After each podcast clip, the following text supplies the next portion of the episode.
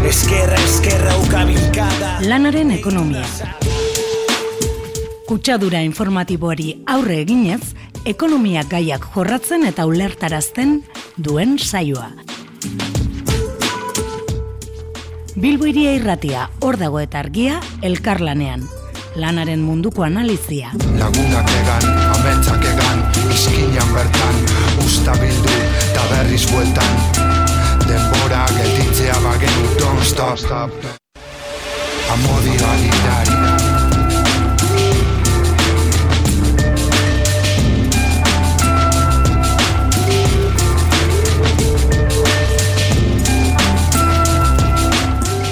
Ea, arratzaldeon, hemen gaude berriz ere lanaren ekonomia saioan, argia hor dago eta Bilbo iriaren arteko elkarlanaren emaitza dana.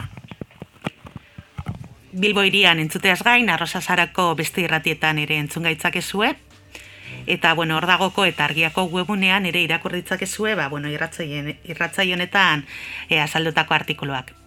Gaur ere hasiko gara sindikal agendarekin, ekietze barriaren eskutik, Sindikal agendan, sindikatu eta herri mugimenduen urrengo amabostegunetako deialdiak e, zabaltzen dizkigute. Eta gaur gainera potolo-potolo datorrantza. Ondoren, elkarrezketen saioa izango dugu, e, azteko, jone uriona guena e, balintzari gabeko oinarrizko errentaren kideari, elkarrezketa egingo diogu, ondoren, ekitze barriak, Jon Bernard Zubiriri, globalizazioko kate etenen inguruko ba, elkarrizketa egingo dio, eta amaitzeko argia ta, argiako tartean, ba, bueno, Mikel Zorbana, Zorban hori ingo diogu elkarrizketa, enpresa handien zerga minimoari buruz.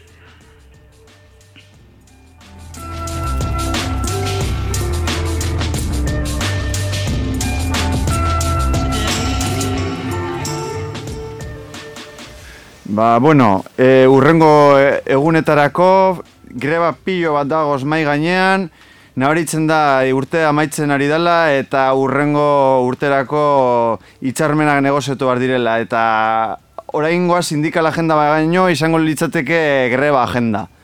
Ba, bueno, e, hasi baino lehen, e, hori, e, deialdiak e, esaten hasi baino lehen, ba, gogoratu, ba, badago aukera programara audioak bidaltzeko, ba, borrokaren batean, eh, borrokaren, eh, borroka baten erdian basaudete, ba, bidal, bidaltzeko zuen testigantzak, edo iritziak edo dena delakoa, e, urrengo da zenbakia, 6 lau lau, lau bederatzi, bederatzi, bos, bos lau. Astirogo esango dut, 6 lau lau, lau bederatzi, bederatzi, bos, bos lau.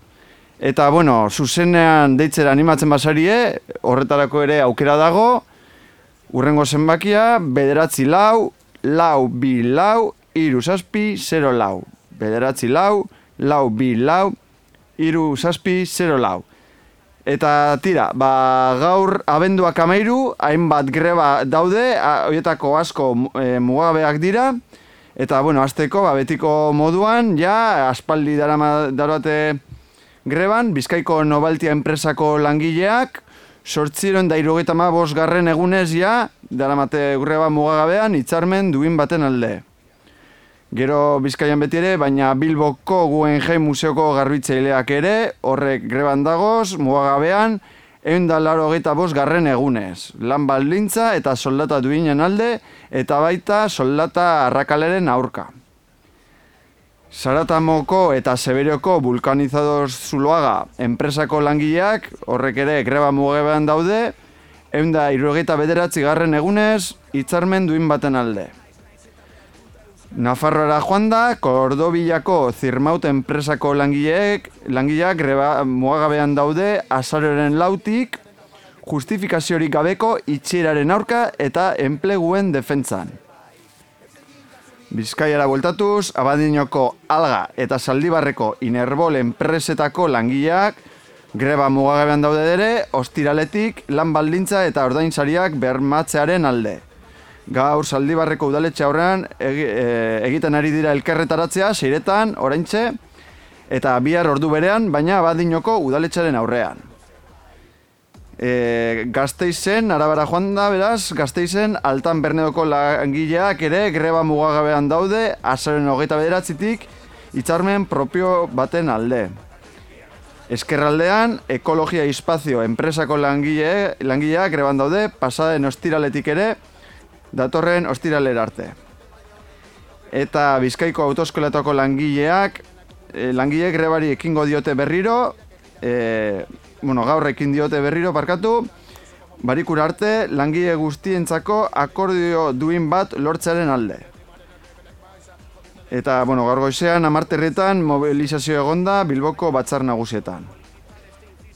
Sardoia Otiz enpresako langileak ere greban daude, azoren hogeita bitik, eta grebaldia benduaren hogeita arte lusatu dute, lan baldintza duinen alde. Orozkon, artiaz gaieta enpresako langileek, lau orduko la, langileak lau orduko lanustak egiten ari dira, egunero, abenduaren hogeita irur arte. Langileen baldintzak hobetuko dituen hitzarmen baten alde. Eta horiek izango litzateke, gaur ma, e, aktibo dausen, grebak edo behintzat erregistratu ditugunak. Bueno, han bat dira.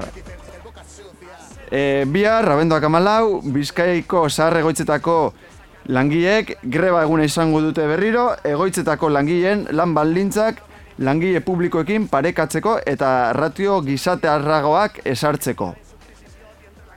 Etzi, eguaztenean, abenduak amabost, Lakteos de Navarra eta Toknolat kaiku taldeko enprese, enpresetako langileek lau orduko lanusteak lanustea egingo dute hitzarmen duin baten alde. Eta Deustuko Unibertsitateko garbitzaileek greba deialdi berriak egingo dituzte eguaztenetik barikur arte soldata arrakalerekin amaitoko duen hitzarmenaren alde. Etxidamu, egunean, abenduak amasei, errenteriako urkabe benetan enpresako langileek aurretik akordiorik lortu ezean, bi greba eguna hasiko dituzte hitzarmen baten alde ere. Gero, er, arrasateko aitameni osasun mentaleko ospitaleko langileek hiru greba egunetatik lehen egingo dut ere, baldintza duinen alde eta zapatu arte egongo dira, greban.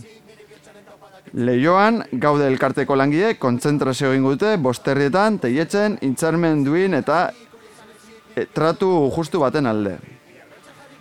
Barikoan, abenduak amazazpi, iruñeko kale garbik eta sarduratzen diren langile greba egingo dute hitzarmenaren negoziazioa desblokeatzearen alde. Eta zapatuan, abenduak amazortzi, greba mugaban dauden Altan Bernedo, lang, Altan Bernedoko langileek manifestazio egingo dute hitzarmenaren alde, gazteizen amabit herrietan, Andramari Zuriaren plazatik hasita. Eta Nafarroan ikuskizunetako teknikariek ere greba egingo dute gutxieneko lantaldeak lan egutegia eta lan baldintza duinak bermatzeko. Kontzentrazioa mabiterritan izango da Gaztelu plazan eta giza karabena egingo dute saspiterretan gaiarre antzokiaren aurrean. Eta ja, bukatzeko urrengo asteko martitzenean, abenduak hogeta bat, Laktos de Navarra eta Toknolat, kaiku taldeko enpresetako langiek, greba egingo dute ere, hitzarmen duin baten alde. Eta, bueno, hoiek dira momentuz e, indarrean dauden deialdiak, oraingoan ia guztiak grebak izan dira, beraz, horrek esan nahi du, ba, langile borroka aktibo dagoela, espero dugun, ba, e, lortzea eskatzen dutena, eta, bueno, ba, urrengo arte.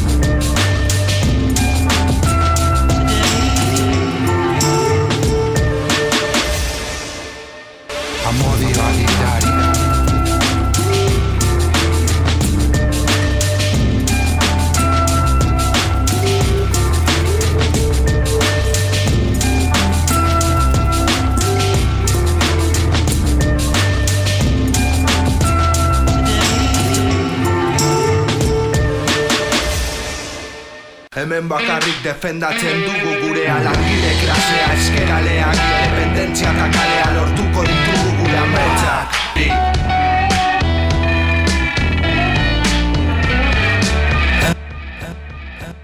Hemen daukagu telefonoaren bestaldean Jon Eurio nahuena, balintzari gabeko oinarrizko errenta taldeko kidea. Kaixo, Jone? Kaixo, Artzaleon. Bai, e, Jonek, ba, bueno, azaldeko digu baldintzari gabeko oinarrizko errenta e, zertan datzan, eta baita ere, ba, bueno, e, elburu duten legegintzako ekimena, ba, bueno, zabalduko digu. Bueno, azteko edo, lehenengo galdera, ez da? Zer da baldintzari gabeko oinarrizko errenta? Eta ze zaugarri ditu? Bale, guk e, planteatzen dugun baldintza gabeko oinarrizko errenta honek, e, bueno, litzateke, hainbat ezaugarri ditu, baina salduko ditu denak, baina litzatekena da, funtzez, hileko, bueno, hileroko diru sarrera bat, pobreziaren atalasaren berdina gutxien ez izango litzatekeena, eta administrazio publikoek lurralde batean bizi diren pertsona guztiei ordainduko lioketena, liekete. Eta gero ezaugarri eta, bueno, guk e, hiru ezaugarritan egiten dugu batez ere hainbat ezaugarria euska ez, baina guretzako funtzeskoak diren hiru ezaugarriak lirateke banakakoa litzatekeela, hau da, pertsona bakoitzak jasoko lukeela eta ez bizitza unitateek orain arteko e, baldintzatutako errentekin ikusi dugun kasuetan, erregiarekin gertatzen den bezala, esaterako, unibertsala litzatekeela, hau da pertsona guztie jasoko luketela salbu espenin gabe, eta dingabeak barne, eta baldintzari gabekoa izango litzatekeela. Inorako baldintzari gabe emango genukeelako, beti ere, irujabeteko bizilekua duen pertsonak, e, bertan, Euskal Herrian, irujabetetan zehar bizitzen egon diren pertsonak diren e, bitartean. Bai, eta bueno, lortuko balitzake balentzari gabeko oinarrizko errenta, e, zer aldatuko litzateke edo bueno, gizartean edo norba, norbanakoengan? Ba, guretzako, e, guk, e, bueno, planteatzen dugu erraminta bat bezala. Oso argi daukagu, elitzatekeela e, aldaketa definitiboa bizi dugun, egun, e, gaur egun bizi dugun egoeraren aurrean, baina bai uste dugu markatuko genukela e, erramenta honen bidez e, bide bat, ez, edo norantza bat ola baita esateko. Emango geniokelako jendeari e, askatasun asko, e, hainbat, e, bueno, pues, hainbat e, aspekturen aurrean, ez? Enpleguaren mitotik ere bai e, alden duko gineatek ez, ez? Horrekin ere funtza, e, bueno, mito honetan fundamentotuta, ba, hainbat, e, bueno, pues, hainbat gauza janditugu, langabezia, prekarietatea, eta bar e, normalizatu ditugu eta bueno, pues, bizitza gure, osea gure bizitzaren zentraltasuna lanaren inguruan e, eraikitzea hau ere asko normalizatu dugu, ez? Da pandemian zehar bain eta berriro ari gara bueno, pandemiatik esango nuke, edo batez ere pandemia, nire badiru, badiru di pixka bat astu zaigula, baina, bueno, bizitza zentruan jartzeko, e, bueno, alegin horiek edo ideia horiekin egon garen bitartean, ez?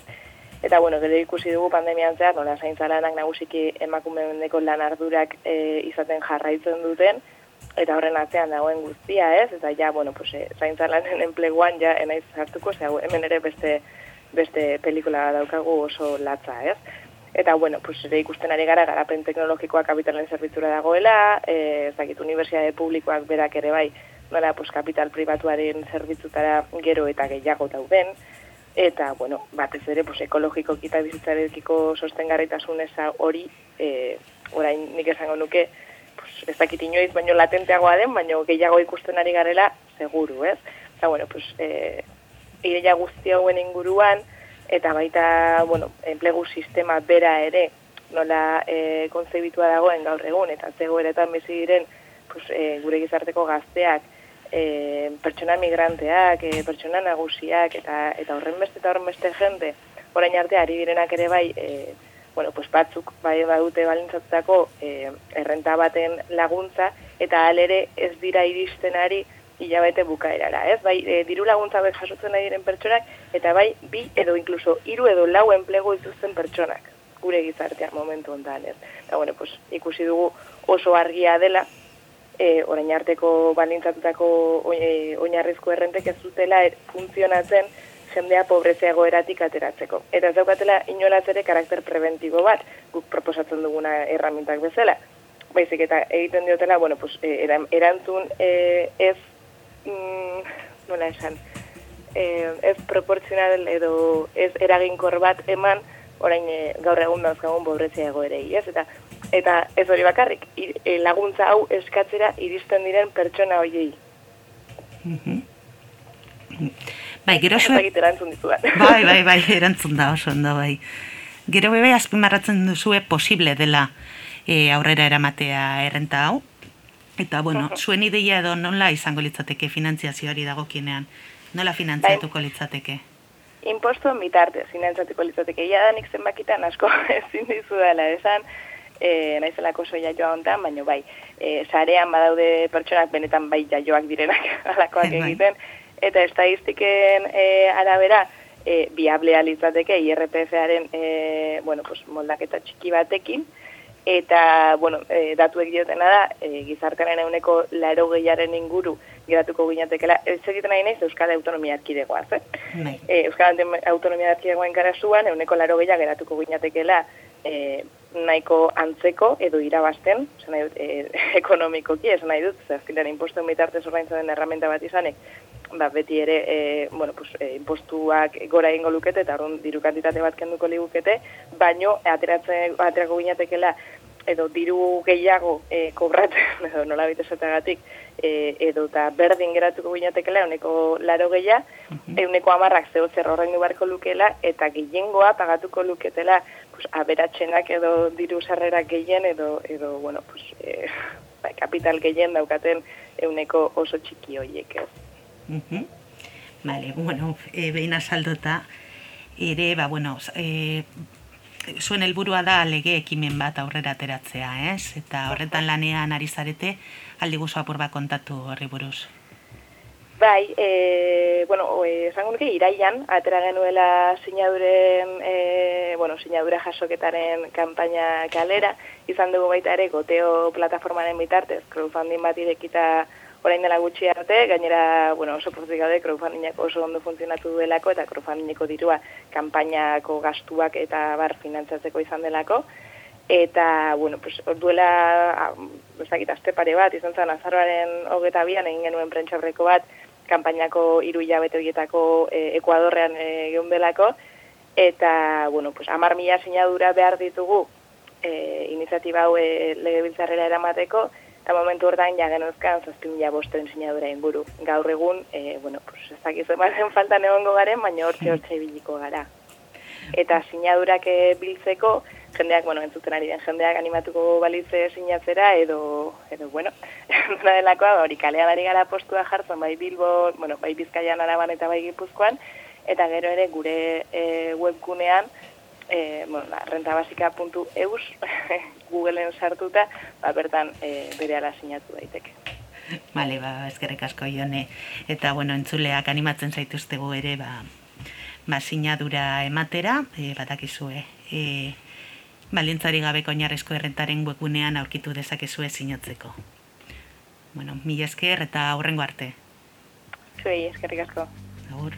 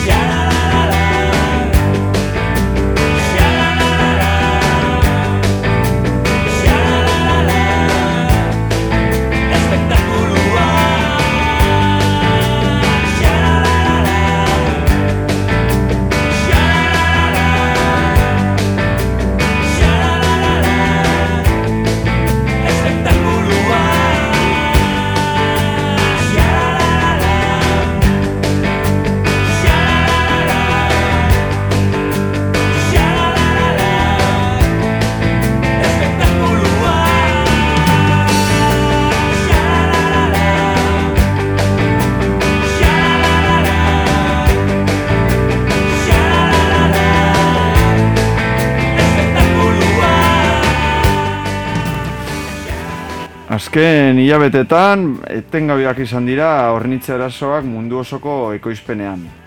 Semikonduktoreak, mikrotxipak, magnesioa, litioa, papera, langile batzuk ere falta izan dira. E, hornitze arazoiek pandemiaren ondoriozko botia lepoko arazo dala ulertu da. Ba, bapateko kontsuma eskari handiak eraginda, ez?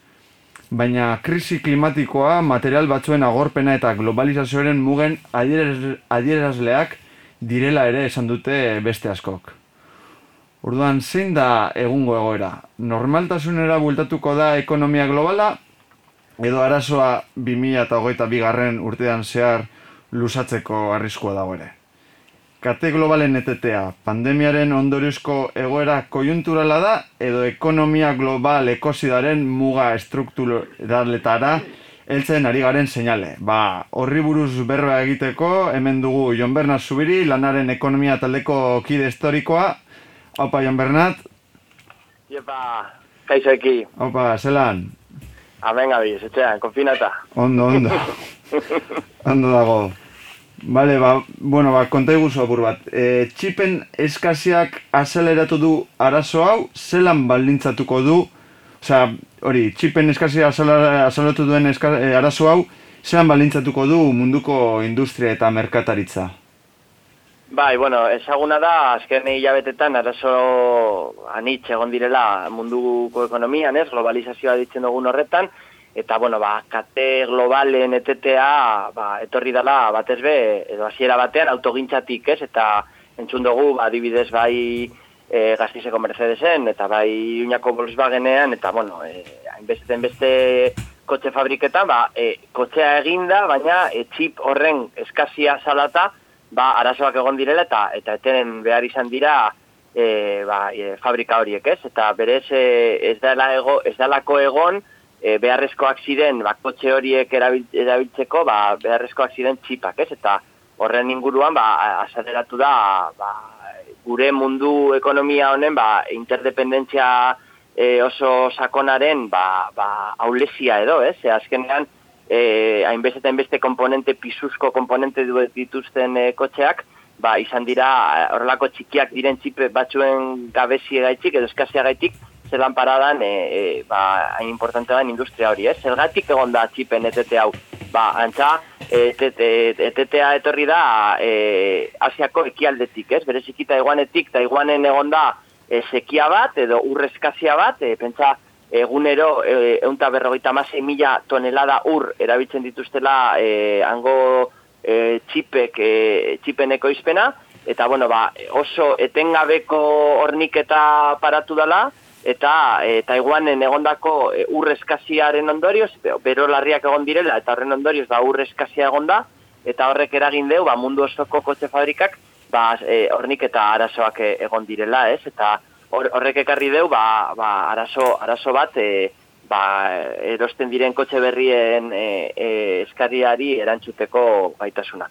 Berez ez da bakarrik txipen arazo bat, ez? Adibidez Juan Vázquez, e, e, e, ekonomia irakasleak e, e, egin ditu artikulo batzuk e, e, komunikabide desberdinetan, zetekizten edo orden mundialen, eta hor beste arazo batzuk ikusi dugu, ez? Ez da bakarrik txipen eskasi bat egon dela, adibidez pentsa, igual gogoratuko dozue, Egiptoko Suez kanalean ebergiben kargeroa horregon zala parata, aste bat, eta horrek eragin zuen, e, iaia nazioarteko ba, e, e, Asiatik, Europara, e, Egiptotik, Suez kanaletik datorren ba, hainbeste ba, garraio mari, e, ur, oza, itxaso bidezko garraio, garraioaren ba, blokeo bat, ez? Eta, eta horrek ba, gaur egun e, eragiten ari dauen hori bere momentuan aste bateko arazoa izan da, baina et, e, eragin deu kate, kate anitzen e, etetea baita ere. Orduan olen galdera da, gabonetako eskaria erantzuteko gai izango dara munduko ekonomia, hain aula da nazioarteko globalizazioa e, gaur egun ezin, ezin duela, ezin duela emon eh, erantzuna egiten ari diren eskariei, ba, antza, ba, eh, pandemia garaian agertu dan, ba, arazo lau edo kuello de botella esaten da horretan, ba, emo, e, ekartzen duela, ba, arazo anitzak, eta eta e, ara, galdera da, e, etete hori kojunturala izango bada edo, edo strukturala. Eta gero horrek be presioen goraka bat eragin dago, ezta? Bai, e, presioen gorakada ikusten ari gara, adibidez azken datua, azarren amaierakoa, e, e, e, IPCA e, Espainian e, uneko bost koma zeira igoin da, e, ez dakigu exactamente horrek e, arazo konjunturalen ondorioa badala, bat ez be, elikagaien eta energia presioen gorakada badalata, edo gero gaur egun dauen e, mundu ekonomiaren berreaktibazioaren ondorioz, ba poliki-poliki bideratuko dan, ez? Ez dakigu e, 2008an e, bideratuko dela eta berriro orekatuko dela e, eskaria eta eskaintza. Bai dakigula, e, nazioarteko presioen gorakada hori ez dela etengabeko edo produktu guztien gorakada bat, adibidez, kontsumo presioen indize orokorra ez da inbeste igon, baizik eta zenbait produktuetan kontzentratuta dago, eta berre, mm berez, e, e, ba, aditu asko esaten dute, e, berez e, urrengo hilabetetan ba, normalizatuko dela na, e, nazioarteko merkataritza, eta arduan ba, presioen gorakada hori ba, bidera, oza, konponduko dela, baina izalik ebe bai, ba, beste arazo estrukturalak edo beste e, materia eta eta produktuen agorpe bide horretan, ez? Ba, izan aldala arazo estrukturalago bat. Bai, edo horren arira, Luis González Reyesek, Alicia Valerok eta Antonio Durek hori dinori, ez? Egiturasko arazoak, arazo larriak daudela horren atzean? Bai, aspaldine azaleratzen da ekologismotik, ba, mm, gure dedu produktibo nazioarte mailan entolatutako ekoizpena eta eta berez matriz energetiko oso petrolioan oinarritako matriz energetikoa ba bidegabea dela eta ez dala e, iraunkorra, ez dala posible e, epeluzera e, alan jarraitzea, baina kapitalismoa ez da gai e, bere e, erreforma, bere autoerreforma bat bideratzeko eta adibidez ba arazoak e, gertatzen ari direnak e, ba, kojunturalak izan beharrean, ba, estrukturalak direla emoten deu, ez? Adibidez, behitxu, Britania hundian, Brexitaren ondorioz, ba, hainbeste eta hainbeste lanpostuetan arazoak egon direla, Espainian baita ere, ba, milaka, e, eunta hogei mila lanpostu e, ornitzeko zaitasunak egoten ari direla, eta, bueno, ba, finanzialtaiz egunkariek dio, la, la, laureun mila garraiolari beharrezkoak direla Europan, eta hau da, arazoa materia, materiatik edo energia eta beste materian agorpen artik datorrena, ba, gero bebai garraioaren logisti, arazo logistikoa ekartzen duela, eta azkenean gure etxera llegatzen diren produktuen e, agorpena edo bez gabeziak egoten ari direla, ez? Be, aipatzen dozu Luis González Reyes adibidez, bere momentuan e, Ramon Fernández Duran nekin egin zuten la espiral de la energia liburu oso, oso importante horretan, ba ja esaten zuten, ez? Zelan pandemiak e, e, aldaketa klimatikoaren adierazle moduan, ba, ekarriko zutela ba, sistema ekonomiko eta eta eta, eta, eta, eta mm, eta gestio publikoaren e, ba, etetea edo paralizazioa, ez? Eta horren ondorioz ikusiko dugula zelako arazoak egongo dira, ba, zenbait e, prozesu produktiboen e, ba, esaitasunak direla, eta ez? E, haiek esaten zuten horrek e, berez gaur egun e, pandemian ikusi do... Bueno, badirudi, badirudi Jon Bernaten seinala galdu dugula. Zet, zetuko gara konpontzen, a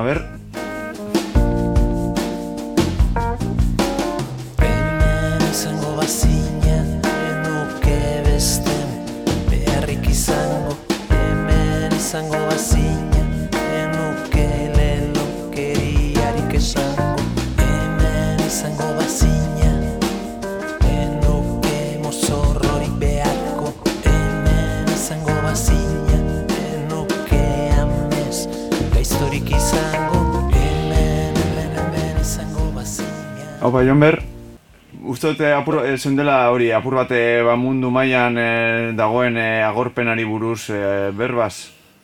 Bai, esaten, esaten nuen hori, ba, e, bere momentua Luis González Reyes eta Ramón Fernández ah. Durán, e, la espiral de la energia liburuan, e, oindela amar urteko liburu horretan esaten zutela, ez? Ba, zelan pandemiak, aldaketa klimatikoaren adierazle moduan, ba, ekarriko zutela, ekarriko zutela arazoak e, horrelako, prose, horrelako prozesuak e, berez e, eteteko arrisku, arriskuak ekarriko zutela, ez? Berez e, badakigu gaur egun, e, pandemiaren e, ondorioz, ba, badagoela zenbait sektore produktiboak e, ba, paren, paren direnak, eta horren ondorioz, ba, e, ez dagoela e, eskari berriei eskaintza emoteko aukera, badakigu bebai, e, gaur egun e, ekonomia globalak erabiltzen duen eredu produktiboa oso e, just in time horretan e, oinarrituta dagoela, eta horren ondorioz basaitasunak egoten direla emoteko erantzuna haien haien e,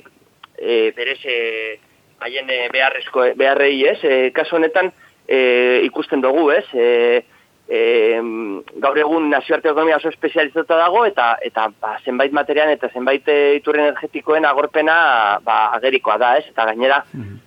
Berez, e, badagoela politika zehatzak, ez? Adibidez, Txina eta Estatu Batuetan artean egondan e, borroka komertzialaen ondorioz, ba, sortu dauela e, totum revolutum oso importante bat, eta horren ondorioz, ba, gaur egun pandemiak esaderatu duena, ba, arazo struktural baten lehenengo urratz moduan ulertu, ulertu aldogula ez. Vale, eta gero, ba, globalizazioaren kateak eteten badira, e, urritasuna da gure torkizuna edo badago beste aukerarik e, oneri buelta emateko? Bai, azken egunetan, el salto egunkarian e, agertu da e, Alicia Valero, e, Zirze Ekologia Industrialeko Institutuaren e, ikerlaria eta berez urrengo egunetan astebururako ba, beste reportaje batzuk irtengo dira honen inguruan eta bai Alicia Valerok bere momentuan e, los límites minerales del planeta ikariak dut liburuan esaten zutena oin dela ja urte bat edo, ez? Zelan, ba, aldakita klimatikoaren ondorioz, e, rekurtso fosilen sobreesplotazioak bakarriko zuela e, egiturazko arazo bat, ez? E, gaur egun, Pentsa, eh, hainbeste den beste bidera aipatzen da, eh, irautza berdea edo elektronikaren edo lau punto zeroren horrelako goraka baina horren matriz energetiko eta minerala oso, oso komplexua da. Bai kotxe elektrikoak, bateriak, beharrezkoak ditu litio, kobalto, manganeso eta nikela, eta bueno, gero, incluso baita ere, bere alternatiba ikusten da moduan, ba, energia e, e, fotovoltaikoaren e, e, instalazioak oso mineral e, zehatzak behar izaten dut, abiez litioa, oso konzentratuta dago Australia eta Latinoamerikako zenbait herrialdeetan, e, badeko gube bai kobaltoa, adibidez Kongo oso konzentratuta dagoen e, minerala da, hau da, e, mundu osoan erabiltzen ditugun komponente elektronikoak, beharrezkoak dute mineral batzuk, munduan e, oso konzentratuta dauzenak, eta arazoak egongo dira bai edo bai urren urteetan horiek ordezkatzeko eta erabilera masibo honetan jarraitu alizateko. Orduan, ezinbestekoa da ulertzea bai al, al, arlo energetikoan, bai arlo materialean, edo bueno, energia materiala da bai, baina energia ez da beste materialen beharraren ondorioz, ba, ez da posiblea ez da bardin jarritzea, ez da energia berriztagarrien bidez, e, horrelako ekonomia e, askunda, askun, askuntza etengabeko ekonomia batean jarraitu ahal izatea zeren eta e, material horiek mugatuak dira eta bere agorpena hasi daia da eta horren ondorioz ba, edo bi planteatzen dugu munduko ekonomiaren e, osaketa birlokalizazio prozesu zehatzak egiten ditugu eta irankortasun klimatiko eta eta ekonomikorako urratsak emoten dugu edo ziurazki urrengo urteak e, ba, latzak izango dira. Osondo, ba, eskerrik asko Jon Bernat Zubiri, e, ba, lanen ekonomiako kidea, gurean egote gaitik eta argipen noiek emote gaitik urrengo arte. Bale, ba, mi esker zuei eta ba, urrengo arte. Beharrik izango, hemen izango bazina, enuke lelo keriarik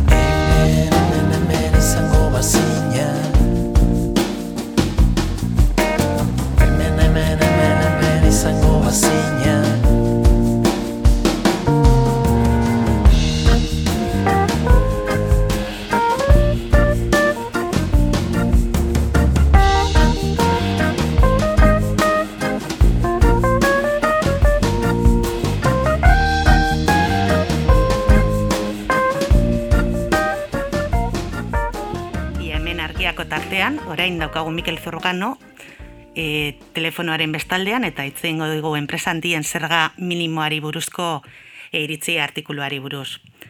Kaixo, Mikel? Kaixo, arrastion. Bai, ea, komentatzen duzu, iritzi artikulu honetan, ba, mundu mailako zerga politikaren joera aldatzeko asmoa zuen urriak, ba, praktikan, ba, itzugireak eriatik, ba, gehiago duela, ez? Eta, bueno, azteko, ba, bueno, kontuarekin, azalpenekin, ba, bueno, esan zertan datzan, ba, azkenean, aebetako lendakari jau baidenen ekimena, ba, bueno, mundu mailako zerga politika berri bat, ba, sortzeko asmoa. asmoa. Bueno, ba, egia, egia esan, ba, aspaldiko partez, ekimen multilateral bat e, bideratzeko asmoa dago, e, mundu mailan e, zergapetze arloan, eta batez ere enpresa handien zergapetze arloan. Ekimena bera oso berritzailea da, ze azkeneko hogeita mar berrogei urtetan neoliberalismoa erabat indarrean egon den garaiotan, ba, ez da horrelako zantzurik egon inoiz ere, eta kontrako joera izan da beti ere, enpresa, enpresen gaineko eta batez ere enpresa handien gaineko zergaren e, ibilbide izan da beherakorra, eta e, nola baiteko esku hartzea bakarrik estatu, estatu mailan hau da, estatu bakoitzak egiten zuen ba, zerga politikaren inguruko ezarpena. Eta oraingoan, ba, bueno, beharrak eta egoerak eh, ala eskatuta, e, bueno, babadago ekimen berri bat. Ekimen berri hori izan da, esan bezala, bueno, artikuluan dio dan bezala, ba, egun da egoita amasei e, herrialdek bat egitela e, kompromiso baten inguruan. Hori nahiko, eh, esan bezala, ba, azpimarratzeko elementu bada. E, baina, gero, hori artikulan batez ere, azpimar, zera, ge, gehitzen dudana da, ba, nahiko labur edo motz edo eh, geratu dela eh, prozedura guztia eta emaitza ba, izan ditekela zenbait kasutan ba, kaskarragoa herrialde batez ere garapen bideko herrialde entzat. Eh, ze hor, ba, neurri edo minimo batzu jarri bai, baina eh, salbuespenak ere ipintzen dira bide batez. Eta salbuespen horiekin, ba, zenbait herrialdetan lehen, lehen ere zituzten aukerak, ba, murriztua geratu zaizkie. Bai, eta, bueno, eh? komentatu ia porba gehiago, ba, salbo espen hauei buruz edo jarri diren beste baldintzak? Bai, bueno, en, ba, ne, neurriak, e, nagusiki bi neurri dira, e, bata, e, enpresa hondiei, ba, salmentak egiteagatik ezartzen zaien, e, zergapetzeko zera, e, ba, beharra edo, e, ezinbestekotasuna, hau da, ez da bakarrik eh, ba, egoitza duten herrialdetan, baizik eta ba, nolabait salmenta duten herrialdetan, eh, ba, ba, zergapetu beharko lituzkete euren jarduerak, eh, euren salmentak. Eta salmenta horiek beti hori beti ere zergapetuko balira, beti ere enpresa horiek e, mundu mailako fakturazioa hogei mila milioi euro baino handiagokoak balira. Eta errentagarritasuna euneko amarra baino handiagoa balitz. Eh? Mm hori baldintza hori oso, oso indartsua da. Ze, azken finean, eta batez ere enpresa handiek, ba, beren e, fakturazio balantzeak eta mozorrosteko ba, maio ugari edo ba, ingineritza fiskala edo zerra ingineritza erabili hori dute. eta oso erratzaile ba, e, frogatzea beren e, errentagarritasuna euneko amar hori baino txikiagoa dela. Errentagarritasuna da azkenean aktiboen gainetik zen bat irabazten duten, ze etekina duten enpresek mm adirazten duen indizea. Eh? Orduan, da, hori, hori e, zera, e, adieraztea modu irekian egin daiteke, baina normalean ba, mozorrotu egiten dute. Enpresek eta hortik ba, ies egitea oso erresa zaie.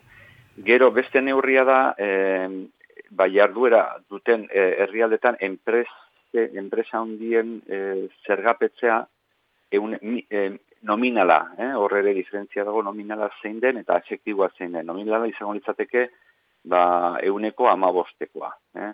Baina horre ere baldintzak ezartzen dira, eta baldintza horietako bada, lehen bezala, ba, mm, fakturazio minimo bat izatea enpresak, eta hor, ja, zazpirion da berro mar milioi e, dolar ezartzen da minimo bezala, eta e, ba hori dagokie bakarri mundu mailan ba ez, benetan eun enpresa handiei bakarri dagokie fakturazio maila hori, eta gero e, e, zera, baldintza hori ezartzearekin, eskatzen zaie e, herrialde partaidei edo onura horretara joko luketen herrialdei lehendik ere e, merkataritza digitala digitalen, digitalaren arloan zuten zerga ezabatzea. Eh? Eta horrez ere esan du praktikan, ba, zenbait herrialde txiki eta txiro eta garapen bidean daudenak, eh, ba, adibidez, ba, beren e, jarduera digit, man dezagun Amazonen eh, jarduera e, digitalan Nigerian e, zergapetzea ba, bertan bera ustea. Eh? Oza, Amazonek Nigerian duen ba, jarduera bakarra digitala delako, salmenta, plataformen salmentan bitartez egiten dena. Orduan, hor, bada orduan, eh, aurpegi bat, e, printzipioz, ba, ba, badirudiena, Mm, ba, interesgarria izan ditekena, baina bestela, bestelako aurpegi bat praktikan, eh, lehendik zeuden zerga apurroiek ere, bertan bera ustea eskatzen, eskatzen duena. Urduan, eh, hor dago, eh, apur bat, eh, zalantza eta emaitza eh, zein izango den ere ikusteke dago. Bai, beraz, bueno, ba, komentatzen duzu, ez, mundu mailako zerga politika berri hau, ba, azkenean aukera galdu bat izan dela, ez?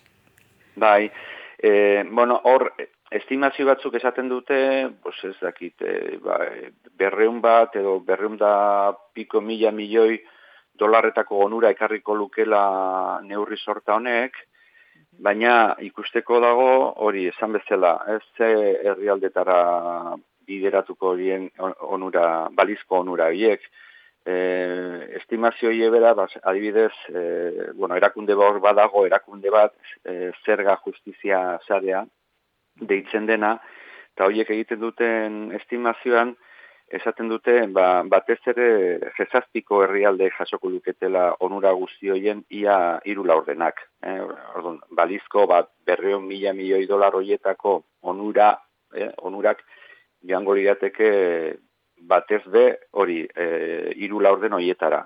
E, barkatu, e, jezartiko herrialde horietara, hau da, mendebaldeko herrialde handietara. Eta gainerakoa, gainerakoa apurra, ba, hor banatuko lirateke, e, litzateke herri txikien artean. E, baina, esan bezala, ba, unura handiena herrialde garatuetara bilatuko lirateke, litzateke.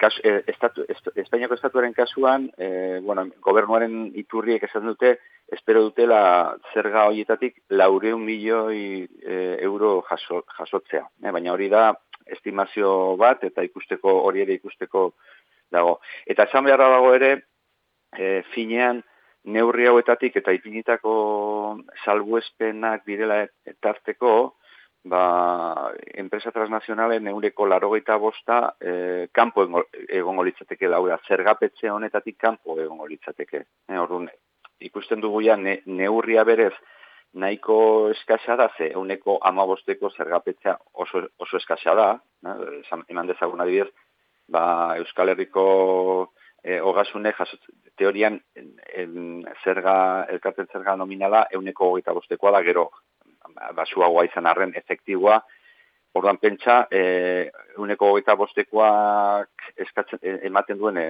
ba, ba, e, etekin eskasak, ba, euneko amabostekin ez ze printzipioz horrekin ja e, ba oso maila apaletik hasiko ginateke zergapetzea. Baina esan bezala hor bi aurpegia daude. Eh? Ze, orain arte ez zegoen minimo hori ere eta zenbait e, bueno, zenbaitik e, aztertzaiek eta zenbait e, adituk esaten dute edo nolabait zer, zerbait berriaren hasiera izan ditekela. Hor beti bezala ikusteko dago neurri honek gero ba apur bat e, oberako bide hartuko duen edo e, nolabaiteko doipuntzak izango ditu, dituen ba, ba, gauzak onerako bidean jartzeko justizia global ba hobe bat e, bideratzen hasteko noizbait.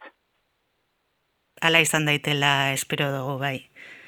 Bueno, ba, ba eskerrik asko gurean parte, arte, parte hartzea ite, Mikel.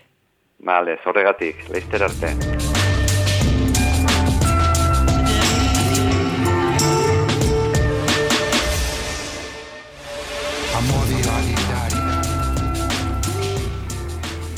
Tira, ba, ja heldu gara lanaren ekonomiaren saioaren amaierara. Eskerrik asko Jone Uriona Guenari, Jon Bernat Zubiriri eta Mikel Zurbanori gurekin saionetan parte hartzegatik. Baita eboneri ba, azpigitura teknikoaren mandoetan egoteagaitik. Eta zelan ez, ba, lanaren ekonomia saioko entzulege guztiari, ba, hemen egoteagaitik e, zuen eh, irratitik entzuten e, saio hau.